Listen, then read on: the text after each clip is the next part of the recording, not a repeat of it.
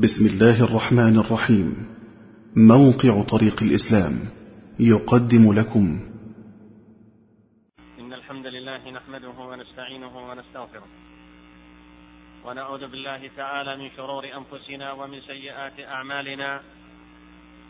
من يهده الله فلا مضل له ومن يضلل فلا هادي له. وأشهد أن لا إله إلا الله وحده لا شريك له. وأشهد أن نبينا محمدا عبده ورسوله. يا أيها الذين آمنوا اتقوا الله حق تقاته ولا تموتن إلا وأنتم مسلمون. يا أيها الناس اتقوا ربكم الذي خلقكم من نفس واحدة وخلق منها زوجها وبث منهما رجالا كثيرا ونساء. واتقوا الله الذي تساءلون به والأرحام. إن الله كان عليكم رقيبا. يا أيها الذين آمنوا اتقوا الله وقولوا قولا سديدا يصلح لكم أعمالكم ويغفر لكم ذنوبكم ومن يطع الله ورسوله فقد فاز فوزا عظيما. أما بعد أيها المسلمون لا تزال حلقات الكيد بالمسلمين تتتابع ومكر المتربصين يتسارع وكذلك جعلنا لكل نبي عدوا من المجرمين وكفى بربك هاديا ونصيرا. قال الله تعالى وكذلك جعلنا لكل نبي عدوا شياطين الإنس والجن. يوحي بعضهم إلى بعض زخرف القول غرورا ولو شاء ربك ما فعلوه فذرهم وما يفترون.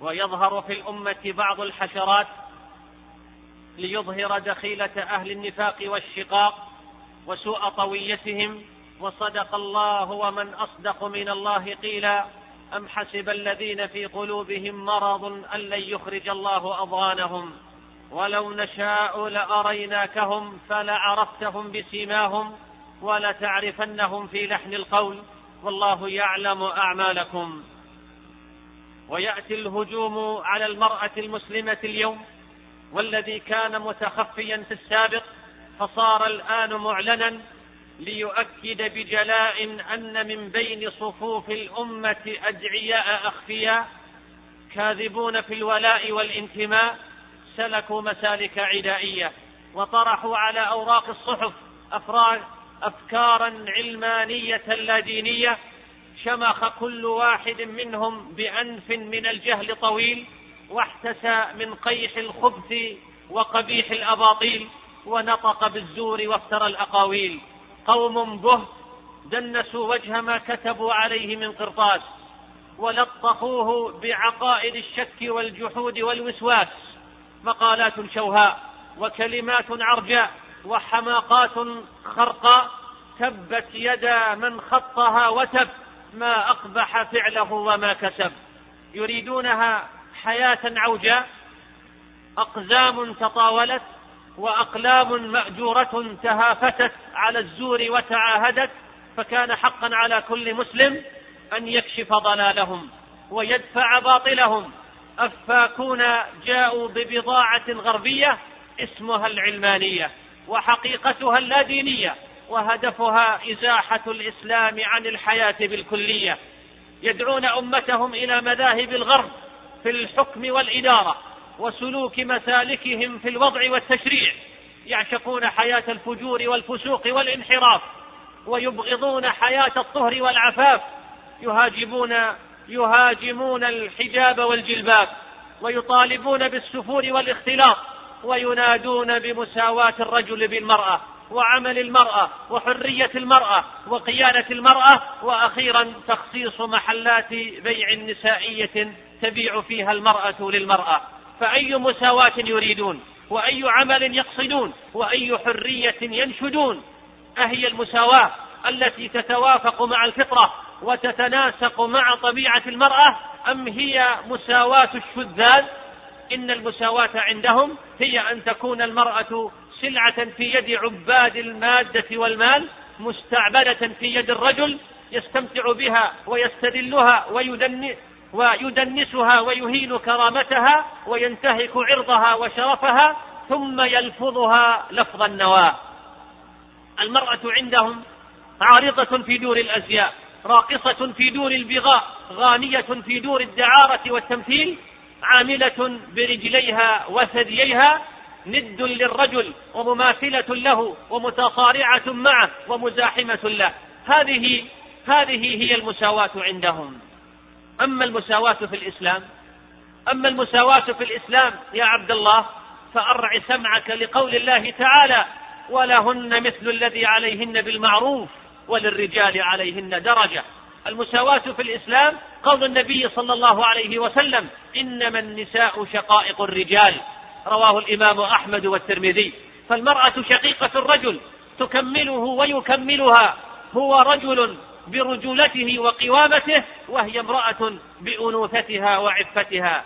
المرأة عند الغرب المرأة عند الغرب وأذنابهم من العلمانيين في مجتمعات المسلمين بغي من البغايا وأمة من الإماء. والمرأة عندنا أم رؤوم وزوج حنون وأخت كريمة طهر وحشمة وعفاف وحياء وشرف وإباء. مربية أجيال وصانعة أبطال وغارسة فضائل ومرضعة مكارم وبانية أمم وأمجاد. هذه هي المرأة عندنا. فلينهل العالم الكافر من نظام الإسلام وعدله وحكمته ورحمته. إنا ندعو العالم أن يزيح الظلم الذي أوقعه على المرأة يوم استعبدها وأشقاها وأضناها وأشقى البشرية معها. أيها المسلمون وتمتد الهجمة الحاقدة من أهل العلمنة والنفاق لتحارب أيضا عقيدة الولاء والبراء التي هي أوثق عرى الإيمان. عن ابن عباس رضي الله عنهما قال قال رسول الله صلى الله عليه وسلم لأبي ذر أي الإيمان أوثق؟ قال الله ورسوله أعلم. فقال صلى الله عليه وسلم أوثق عرى الإيمان الموالاة في الله والمعاداة في الله والحب في الله والبغض في الله. أخرجه الطبراني. لماذا يحاربون الولاء والبراء؟ ولمن يريدون أن يكون الولاء والبراء؟ نوالي من ونعادي من؟ نحب من ونبغض من؟ إنهم يحاربون الولاء والبراء ليوقعونا في ولاء وبراء. إنهم يحاربون الولاء والبراء ليوقعونا في ولاء وبراء. ولاء لما يحبون وبراء مما يكرهون. يريدون أن نبرأ من أخلاقنا وقيمنا وتاريخنا وأمجادنا لنوالي تيار التغريب والعلمنة في أخلاقها وقيمها وحياتها ولكي يسير مخطط التغريب والعلمنة وإفساد المرأة على النهج الذي رسموا له. فلا بد بعد ذلك من أمور يفتعلونها لكي يدعم مرادهم. فيلمزون بالعلماء والصلحاء ويسخرون ويستهزئون ويحاربون أهل الحسبة رجال الأمر بالمعروف والنهي عن المنكر ويلفقون التهم ضدهم ويضخمون أخطاءهم وينتهكون أعراضهم ويكتمون إنجازاتهم ويسكتون عن حسناتهم. وكل هذا ينشرونه عبر مقالات وكتابات سلمت من ألسنتهم وأقلامهم القنوات الفضائية الخليعة والمجلات الهابطة ودور الأفلام والغناء مع أن عدد ضحاياها لا يحصى وعدد قتلاها لا يستقصى. ولم تسلم منهم كتب التوحيد والعقيدة والمواد الشرعية فطالبوا بتقليصها وتقليل نصابها مع أنه لا يوجد على وجه الأرض مناهج ترعى الحقوق وتحقق الأمن والعدل كما تراه جليا في المناهج المستمدة من كتاب الله وسنة نبيه صلى الله عليه وسلم.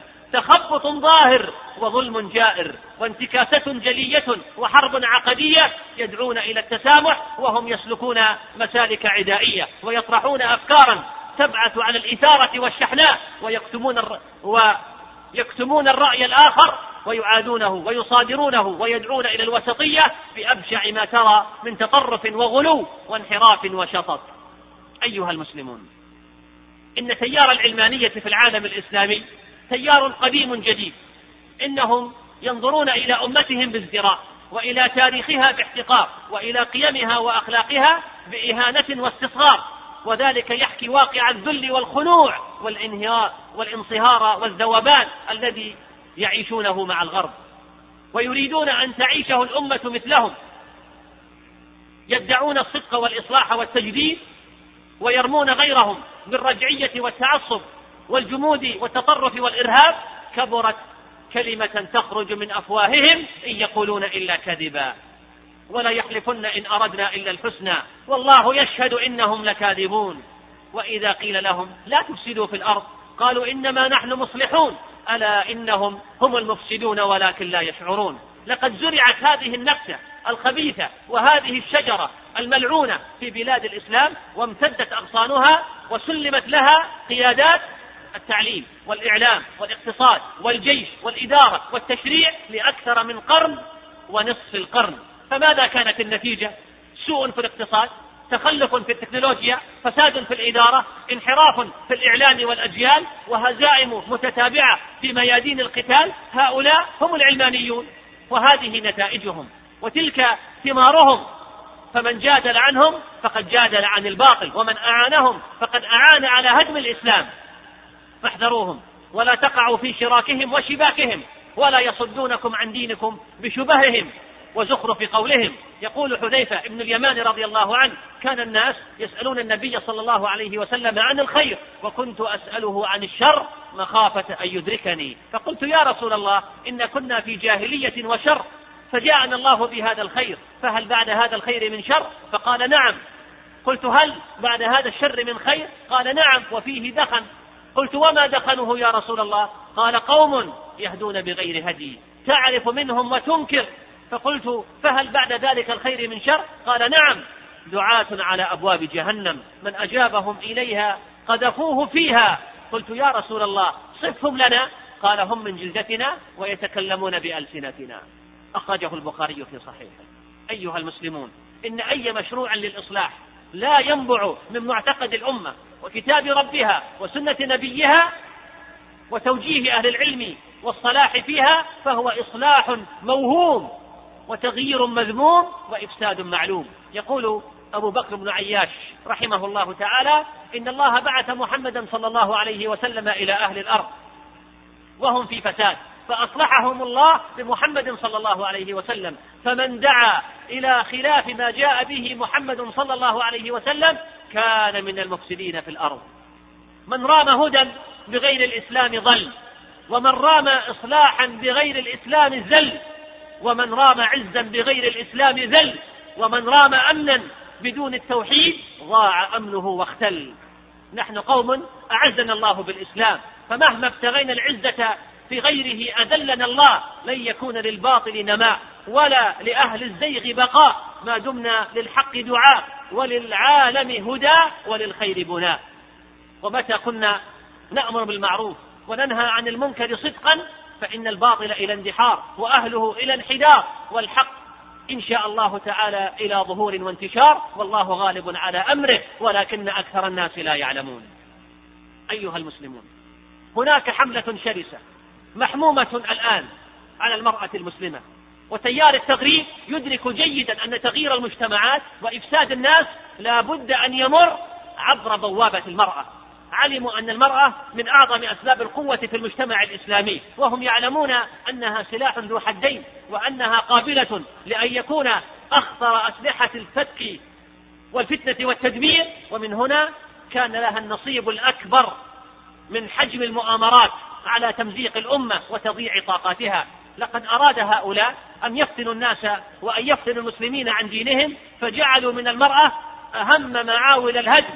وهم يتظاهرون بالشفقة عليها والحرص على حقوقها وصيانتها. وخدعت نساء من نساء المسلمين بذلك لجهلهن بدينهن. إن المرأة تملك مجموعة من المواهب الضخمة الجديرة بأن تبني أمة وأن تهدم أمة. نعم إن المرأة تملك مجموعة من المواهب الضخمة الجديرة بأن تبني أمة وأن تهدم أمة. فعن أبي سعيد الخدري رضي الله عنه عن النبي صلى الله عليه وسلم أنه قال إن الدنيا حلوة خضرة وإن الله مستخلفكم فيها فينظر كيف تعملون فاتقوا الدنيا واتقوا النساء فإن أول فتنة بني إسرائيل كانت في النساء. وعن أسامة بن زيد رضي الله عنه عن النبي صلى الله عليه وسلم قال ما تركت بعدي في النساء فتنة أضر على الرجال من النساء. ما تركت بعدي في الناس فتنة أضر على الرجال من النساء. فالثبات الثبات يا أولياء أمور النساء أمام مستنقع هذه التغييرات الكبيرة التي يمر بها مجتمعاتنا يقول الرسول صلى الله عليه وسلم إن من ورائكم أيام الصبر الصبر فيه مثل قبض على الجمر للعامل فيه مثل أجر خمسين رجلا يعملون مثل عمله.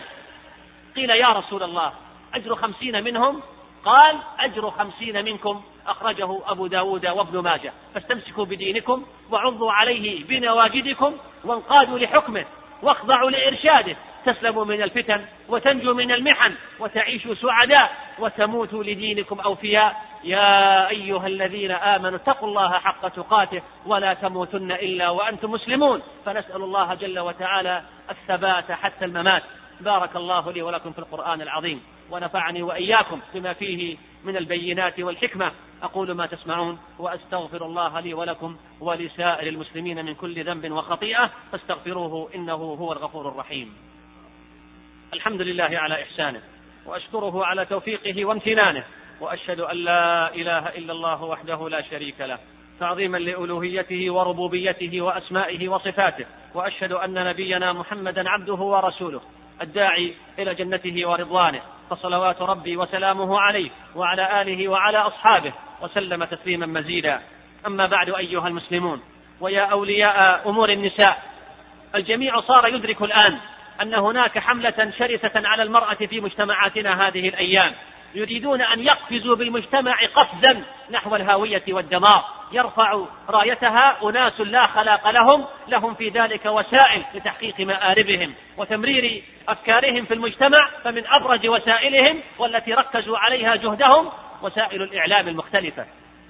سواء كانت مسموعة أو مقروءة أو مرئية لقد دأب الإعلام بوسائله المختلفة على تصوير المفاهيم الإسلامية الخاصة بالمرأة تصويرا يحط من قدرها وينقص من صلاحيتها وينتقص من صلاحيتها ويشكك في قدرتها على الاستجابة لمتطلبات الحياة العصرية ويحقر من شأنها بالإضافة بالإضافة إلى إلقاء شبهات حول أحكام إسلامية معينة تزرع تزرع في حس المرأة لتراها عبئا ثقيلا تتمنى الخلاص منه. في مقدمتها حجاب المرأة وسترها وانتهت بتسخير الإعلام في إقناع الناس بفتح محلات بيع النسائية في المجمعات العامة.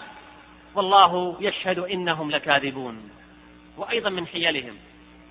أن كثيرا من مطالبهم تغلف بحرصهم على خصوصية المرأة وعدم تعريضها للرجال. كما قال تعالى وإذا قيل لهم لا تفسدوا في الأرض قالوا إنما نحن مصلحون. ألا إنهم هم المفسدون ولكن لا يشعرون. وصدق القائل أختاه كيف ظننت أن معربدا يسعى بمؤمنة لأمر سامي؟ قد يدعي معنى العفاف مخادع ويصوغ فلسفة الأمان حرامي.